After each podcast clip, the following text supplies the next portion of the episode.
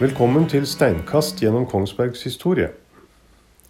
Denne podkasten handler om Kongsbergs historie, og vil handle om gruvehistorie, Kongsberg og området rundt, konger og øvrighet, bønder og arbeidere, og alt det jeg syns er spennende i den forbindelsen. Gruvehistorie blir et slags midtpunkt for en ferd gjennom historien fra tema til tema, uten noen bestemt struktur og strategi, men med steinkast i alle retninger. Jeg er amatør i historiefaget. Jeg syns det er utrolig spennende med historie, men jeg har ingen faglig basis. Det jeg baserer meg på, er oppslagsverk, både trykte og på nett. Eh, biografier, eh, de mange og utmerkede bøkene om Kongsberg og Kongsbergs historie som har kommet eh, opp gjennom årene. Og ikke minst tidsskriftet Langs Lågen. Jeg kommer til å vingle hit og dit gjennom historien, spekulere, spinne av gårde i retninger jeg syns er spennende, og kanskje finne noe som kan være interessant også for andre enn meg. Så med de forbeholdene så vil jeg ønske hjertelig velkommen til Steinkast gjennom Kongsbergs historie. God fornøyelse.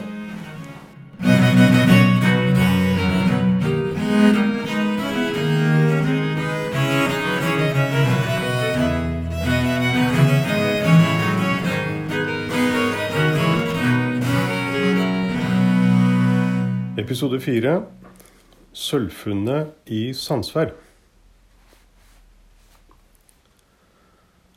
Sølvgruvene i Kongsberg ble funnet av to barn. Helga Werp og Jakob Grosvold, som gjetter kyr oppe på åsen. Oksen grov med horna i bakken og løsnet et flak med mose, og under flaket kom det til syne noe som blinket, og det tok barna med seg til foreldrene, Arne og Kristoffer. De skjønte fort at det de hadde funnet, var sølv, og, og smelte det om til knapper og skjeer. Og så dro de rundt for å få solgt det de hadde fått, hadde fått laget. Dette her var ulovlig på den tiden, og alt gikk fint en stund. Men i Skien ble Arne arrestert og senere forhørt av fogden. For å slippe straff fortalte han alt som var skjedd, og tilbød seg å vise hvor sølvet hadde blitt funnet. Det er visstnok under dette og senere avhør at historien om Helga, Jakob og oksen ble fortalt først. Det var bedre at et dyr og gjeterbarn fant det verdifulle sølvet, enn at de voksne sto bak og prøvde å lure kongen og staten for, for inntekter. Sånn er i hvert fall myten om sølvfunnet. Men det er en del uklarheter i det som skjedde, og omstendigheter rundt. Ikke alt kan dokumenteres, men eh, det som er helt sikkert, eh, er at Sandsvær hadde usedvanlig gode forutsetninger for å få etablert ny industri på begynnelsen av 1600-tallet. Å få satt i gang nye gruver og ny industri i Norge var ikke lett på 1400- og 1500-tallet. Landet var, og er jo fremdeles, eh, dominert av dype fjorder, store fjell og strie vassdrag som gjør at transport av nødvendige varer er vanskelig. Det største problemet på denne tiden var likevel en befolkning som var sterkt redusert av pestepidemiene på slutten av 1300-tallet. Epidemiene førte til at handel og transport ble kraftig bremset ned. Færre folk betyr færre til å kjøpe og selge varer, og ikke nok folk til å generere et eh, stort økonomisk overskudd. De få som var igjen etter epidemiene, hadde nok annet å tenke på enn å etablere nye næringsveier. Først mot slutten av 1500-tallet og begynnelsen av 1600 begynner endelig befolkningen i Norge å ta seg opp igjen. Og det blir tiltakslyst og overskudd i landet til å drive med mer enn bare jordbruk og fiske. Så selv om befolkningen tar seg sakte, men sikkert opp igjen, så er det likevel ikke så lett å overleve i Norge. Eh, naturgrunnlaget legger hindringer i veien for å få etablert en så arbeidskrevende industri som det gruvedrift er. For å få til det trengs bl.a. et jordbruk som gir nok overskudd til å fø på spesialister som gruvearbeidere. Og store landbruksområder fins som regel ikke der metallforekomstene finnes. Trange daler, høye fjell, dype fjorder og strie elver gjorde, og gjør fremdeles, eh, det vanskelig og tidkrevende å reise rundt i landet. Veier og forbindelser som binder sammen innland og kyst, vest og øst, fins omtrent ikke på 1600-tallet. Og de som finnes, er stort sett bare egnet for fedrifter og transport på hesteryggen, eller rett og slett på ryggen til handelsmann. Veier for vogner var det lite av utenfor byene. Alt dette gjorde at det ikke var så veldig mye gruvedrift på 1400- og 1500-tallet. Der det ble forsøkt, var det vanskelig å få det som trengtes ut av en motvillig og som regel fattig bondebefolkning. Og I Telemark så ble resultatet et bondeopprør da Gullnes kobbergruver ble etablert der i 1540-årene. Likevel, når 1600-tallet begynner, så hadde befolkningen i landet endelig begynt å ta seg betydelig opp igjen. Landbruket ga mer overskudd, og handelen økte. Og det var særlig stor etterspørsel etter tømmer og trelast på kontinentet. Og i Norge så fantes det store skoger som nå hadde fått vokse helt fritt i et par hundre år. Råvaretilgangen var god, og det ble etablert sagbruk langs mange elver og bekker. Forholdene begynte å bli bedre overalt, men enkelte steder så lå forholdene enda litt bedre til rette enn andre. Sandsvær på begynnelsen av 1600-tallet var en bygd i et område der det er mye som ligger til rette for gruvedrift. Dalen der bebyggelsen ligger, er et godt jordbruksområde. Og det er omkring 30 sammenhengende kilometer langs Lågen med bred og næringsrik dalbunn. Sandsvær var også et viktig knutepunkt på Nordmannsslepa, den store innenlandske handelsveien som gikk over fjellet fra Sogn. I bygda kunne varetransporten velge vei sørover til Skiensområdet, mot sørøst mot Nedre Vestfold med Larvik og Tønsberg, eller østover mot Eiker og Viken-området. Det var eh, kort vei til disse sentrale områdene, og veiene gikk gjennom bygda og var fremdeles i aktiv bruk. I tillegg til dette så fantes det allerede en lang tradisjon for gruvedrift i Sandsvær. Kobber og sølv hadde vært utvunnet her siden i alle fall midt på 1400-tallet. Tre, kanskje så mange som fem gruver med anlegg og smeltehytte er kjent i området. Og det er bare mulig med folk som har kunnskap om malm, drift og utnytting av verdier i berget. Kort sagt, det må ha bodd gruvearbeidere her, og de må ha vært en del av befolkningen lenge.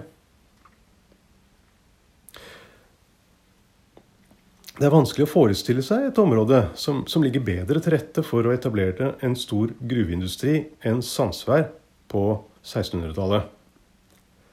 Det hele var et spørsmål om tid. I åsene nord for bygda fantes det setrer som var i aktiv bruk, noe som gjorde at området var godt kjent for de som bodde der. En av åsene ble til og med kalt for Sølvbergsås. Så sølvforekomstene her har sannsynligvis vært kjent lenge. Kunnskapen om hvordan malm skulle hentes ut og foredles, fantes, og handelskarer var det stadig mm, på tur gjennom bygda. Med denne kunnskapen og forutsetningene kunne innbyggerne i Sandsvær enkelt skaffe seg en ekstrainntekt ved å hente ut og smelte malm på egen hånd bare de holdt det skjult for øvrighetas nysgjerrige øyne. Det gjaldt bare å gå stille i dørene, være litt forsiktig. Og det har antagelig fungert helt utmerket lenge. Selv om eh, kongene i Danmark-Norge alltid har vært interessert i å få etablert gruvedrift i Norge, så var det sjelden det førte til noe. Prosjektene førte sjelden fram, og Kanskje var kongene mer opptatt av å krangle med Sverige om Østersjøen og Skåne. Resultatet var at bønder i Norge uforstyrra kunne pusle med sine ting på slutten av 1500-tallet. Det var liten risiko for å bli tatt for noe spesielt. I 1588 dør kong Fredrik 2., og en ny Kristian, den fjerde i rekka, er arving til tronen. I det året så er han elleve år gammel, så det blir utnevnt en formynderregjering for å styre kongeriket Danmark-Norge. Først i 1596 blir han kronet, og da som Kristian den fjerde. Da er han 19 år gammel og brenner av energi og tiltakslyst. Og gruvedrift det var en av de tingene han interesserte seg sterkt for. Han sørget for å få undersøkt gamle funn og gruver av fagfolk, gikk gjennom gamle dokumenter og regnskaper for å finne glemte gruver, og sender ut folk i landet på jakt etter nye forekomster. På den tiden så var all ekspertise enige om at metall det fins i fjell. Og i Norge er det mye fjell. Ergo må det også være mye metall her. Det gjaldt bare å finne det. En konsekvens av dette her er at eh, bygde opp en statsforvaltning i Norge. Og i årene som fulgte, så blir det vanskeligere å holde lav profil uh, for folk uh, rundt omkring i landet. En bonde som hadde en fin, liten ekstrainntekt som, som øvrigheta helst ikke bør vite noe om, levde stadig farligere. Og så går det galt. I Skien høsten 1623 blir Arne Werp arrestert og avhørt. Katta var ute av sekken, og for Arne så gjaldt det nå å berge seg så godt han kunne. I oktober fremstilles han og Kristoffer framfor fogden i Sandsvær. Seks lagrette menn og en Peder Hansen, som var fullmektig hos Hartvig Huitfeldt. Huitfeldt han var lensherre over Eike len, eh, men enda viktigere, han var berghauptmann i Norge og hadde ansvar for gruver og gruvedrift i landet. Og etter avhøret så forkynte fogden under trussel om dødsstraff for den som brøt det, at det var forbudt for alle å gå opp på berget der sølvet var funnet. Han skrev en erklæring om funnet, som så ble sendt til stattholderen i Norge, kongens representant Jens Juel, som igjen sendte det videre til København og kong Kristian 4. Det tok ikke lang tid før kongen var informert, og i desember så sender han et åpent brev der han påbød under trussel om streng straff at alle som hadde kjøpt ulovlig frambudt sølv, skulle levere det tilbake, og at det straks settes i gang uh, flere undersøkelser av funnet. Etter at dette brevet ble kunngjort og, og, gjort kjent rundt omkring, uh, også for bøndene i Sandsvær, så meldte det seg flere bønder som, som kunne fortelle at de også kjente til forekomster av det samme slaget som det første funnet. Og at de, eh, så snart snøen hadde gått til våren, så kunne de påvise eh, og vise frem hvor det var. Og allerede i april 1624 så var Kristian 4. personlig på plass. Han gikk opp og inspiserte området og funnet før han dro til Akers, tilbake til Akershus slott. Der satte han i gang med å legge detaljerte planer for området. Han sendte ut en forordninger om anlegg og drift av sølvgruvene. At det skulle etableres en ny by i området med tilhørende byplan, og at det skulle anlegges en sammenhengende kjørevei fra fergestedet ved Haug, eh, det nåværende Hokksund, til den nye byen. Planene for alt sammen var detaljert og grundig beskrevet. Kong Kristian var grundig interessert og hadde noe å si om hver minste lille detalj i planleggingen. Arne og Kristoffer fikk ingen belønning for funnet, men de ble heller ikke straffet for å ha holdt funnet hemmelig, eller for å ha lurt unna sølv fra kongen. Det er egentlig ikke i samsvar med de lover og forordninger som gjaldt for Norge i 1623. Konger og myndigheter i Danmark-Norge har alltid vært interessert i gruvedrift. Metaller og mineraler ble funnet i fjell, og siden Norge hadde så mye fjell, måtte det bety at det var mye metaller og mineraler å finne her. Det gjaldt bare å lete. Bergkyndige fra kontinentet, ja, særlig Tyskland, som hadde en stor og godt utviklet gruveindustri, ble leid inn og sendt ut i landet for å jakte på forekomster.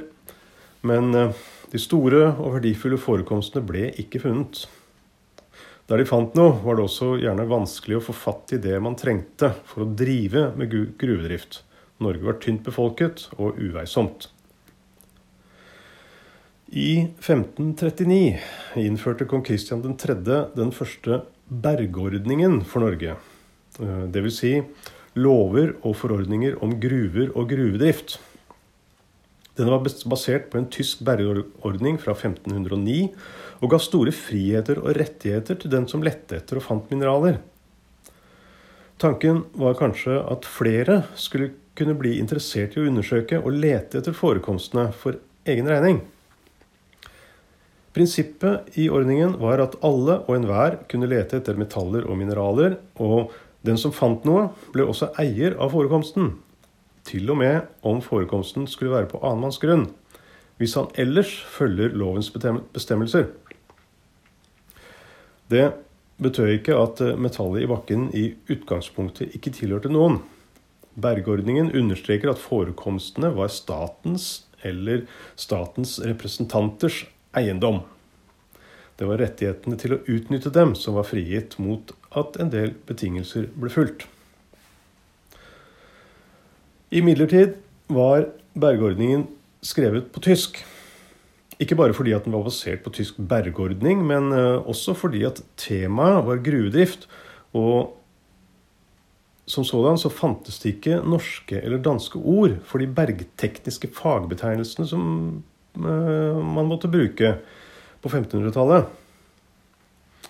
Så kunnskapen om bergordningen og bruken av den begrenset seg derfor til de som kunne lese, og de som kunne tysk. Og det var det de færreste i Norge som kunne på den tiden. Ordningen var dermed først og fremst et verktøy kongen kunne bruke overfor ekspertise fra Tyskland, som stadig ble invitert til Norge for å lete etter og vurdere funn og gruver i landet. Men likevel, hvorfor fikk ikke Arne og Kristoffer rettighetene til sølvforekomstene de hadde funnet? På en måte så kan man si at den som stjal sølvet som ble funnet opp i åsene nord for Sandsvær, var Kristian 4., og ikke de to herrer Verp og Grosvold. Kristian 4. kjente godt til bergordningen men i dette tilfellet så han delvis bort fra den. Og siden den ikke var særlig kjent blant vanlige folk i Norge, så risikerte han nok ikke så mye med det. I stedet fokuserte han på at sølvet var hentet ut og solgt i hemmelighet. Og kongen hadde ikke fått den del som tilkom ham. Dette var tyveri. Og de anklagede var dermed å betrakte som tyver. Tyver ble straffet strengt etter loven sånn som den var i 1623. Og jo mer som stjeles, jo strengere er straffen. I loven sto det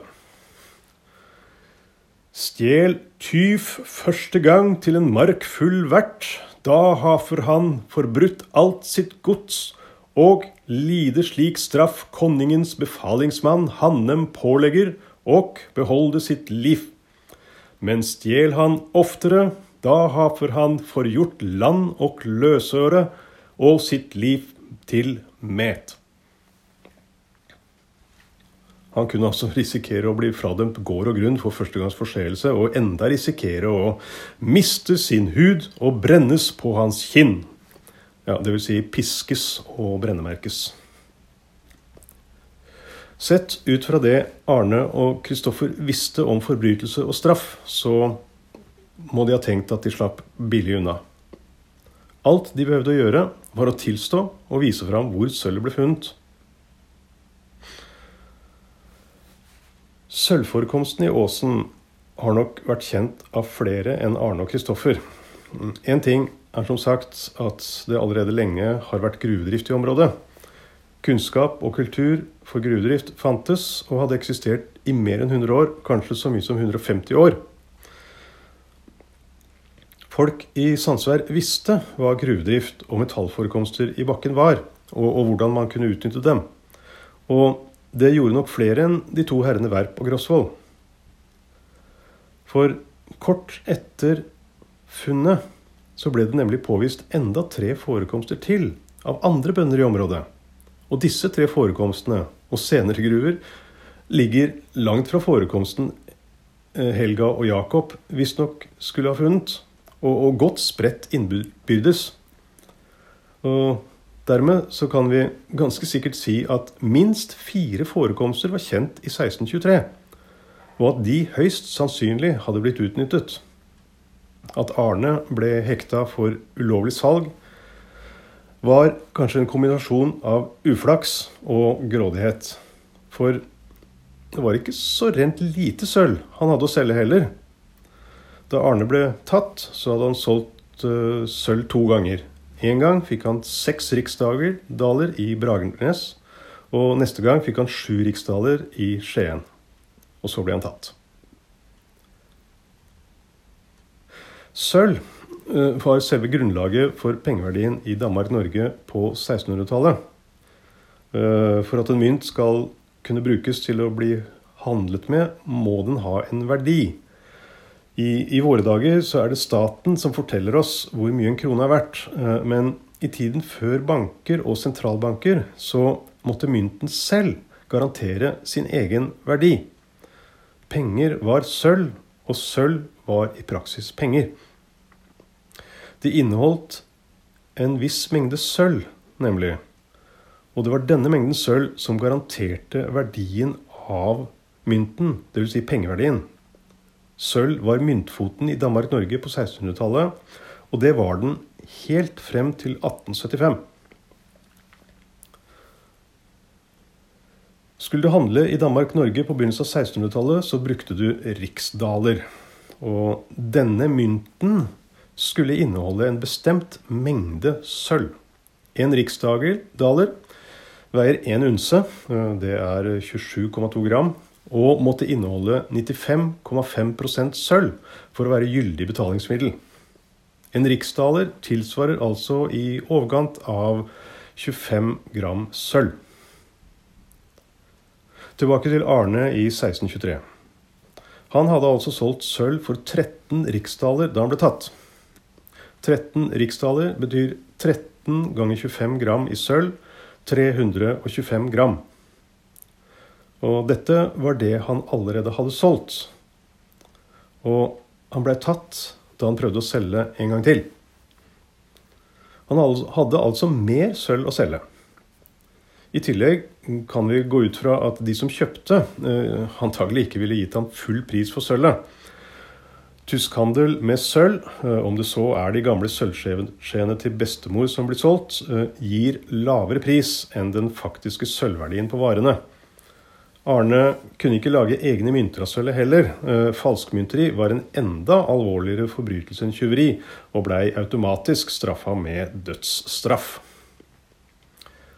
Potensielt tjuvgods må selges billig, og derfor må Arne ha solgt til underpris. Han hadde nok også mer enn de 325 grammene han alt hadde solgt. Han ble jo tatt tredje gangen han prøvde, så han har nok reist rundt med mer sølv på den fatale salgsturneen. Hvor mye sølv? Det veit vi ikke, men jeg kan jo ta en sjanse og gjette på ca. en halv kilo. Det høres ikke usannsynlig ut. Kanskje til og med så mye som en kilo. Uansett, det var ikke småtterier det han hadde med seg. For det han alt hadde solgt, hadde han altså 13 riksdaler i rede penger. På ei liste over priser på 1600-tallet jeg har kommet over, så står det at en hest, eh, riktignok en eh, gammel hest, kunne koste omtrent sju riksdaler. Og prisen ville kanskje variere da, alt etter om det kanskje var en yngre hest eller en bedre hest osv. Men eh, hvis vi sier at det er sju riksdaler for en hest, så hadde Arne solgt nok sølv til å kjøpe to hester for de 13 riksdalerne han alt hadde fått solgt sølv for. Og det er jo ikke dårlig, men kanskje litt for mye for at uh, handelen ikke skulle bli lagt merke til. Arne tok sjansen likevel for å spe på pengebeholdningen, og han ble tatt. En liten ironi oppi alt sammen er at bergordningen som gjaldt, ville gitt både Arne, Kristoffer og de andre bøndene som hadde funnet sølv, rett til å utnytte forekomsten, hvis de bare hadde sørget for at kongen og staten fikk sitt. Kong Kristian satset på at bøndene ikke kjente bergordningen, og at Arne og Kristoffer kunne kues med å bli truet med streng straff for å ha stjålet kongens eiendom. Og han lykkes. Kongen tok over eiendomsretten til alle forekomstene og satte personlig i gang med å planlegge anlegg, bebyggelse og gruver. Han tilkalte eksperter fra Tyskland og forberedte alt som var nødvendig for å få etablert sølvverket. At det allerede var gruvedrift i området, gjorde det lettere. Men dimensjonene over det nye bergverket var mye større enn det som var der fra før. Det er ikke sikkert at eh, kong Kristian var helt komfortabel med han, det han hadde gjort. Eh, Arne, Kristoffer og de andre bøndene som visste om og utnyttet forekomstene før 1623, ble ikke straffet. Selv om de heller ikke får, heller ikke får noen belønning eller rettigheter til forekomstene som de burde ha fått etter bergretten. Så de slipper relativt billig unna, men går glipp av den lille ekstrainntekten salg av sølv i hemmelighet hadde gitt i årene før. Dessuten innser kanskje kongen at det han har gjort, antagelig ikke vil føre til at folk syns de har noe å vinne på å melde fra om nye funn av metallforekomster. I 1623 så gir han derfor ut eh, bergordningen på nytt, denne gangen på dansk i stedet for tysk. Og der sikrer han retten til enhver som finner en mineralforekomst, til å drive den. Kongen erklærer bergveisdriften for fri. I bunn og grunn akkurat det samme som allerede sto i den gamle bergordningen av 1539. Alle disse krumspringene med bønder som har sine egne sølvgruver, øh, konger som overser sine egne forordninger og et ønske om raske penger, fører da til syvende og sist til at Kongsberg grunnlegges. Og resten er historie, som det sies. Og myten om det største, første sølvfunnet med oksen, Helga og Jakob blir etablert og hevet opp til den offisielle funnhistorien. Og kongens overgrep er det ingen lenger som snakker om. Du har nå hørt eh, fjerde episode av Steinkast gjennom Kongsbergs historie. Neste episode, nummer fem, heter Kristian 4. og handler om kanskje den største, viktigste og mest spennende kongen som vi har hatt under unionen med Danmark. Takk for oppmerksomheten.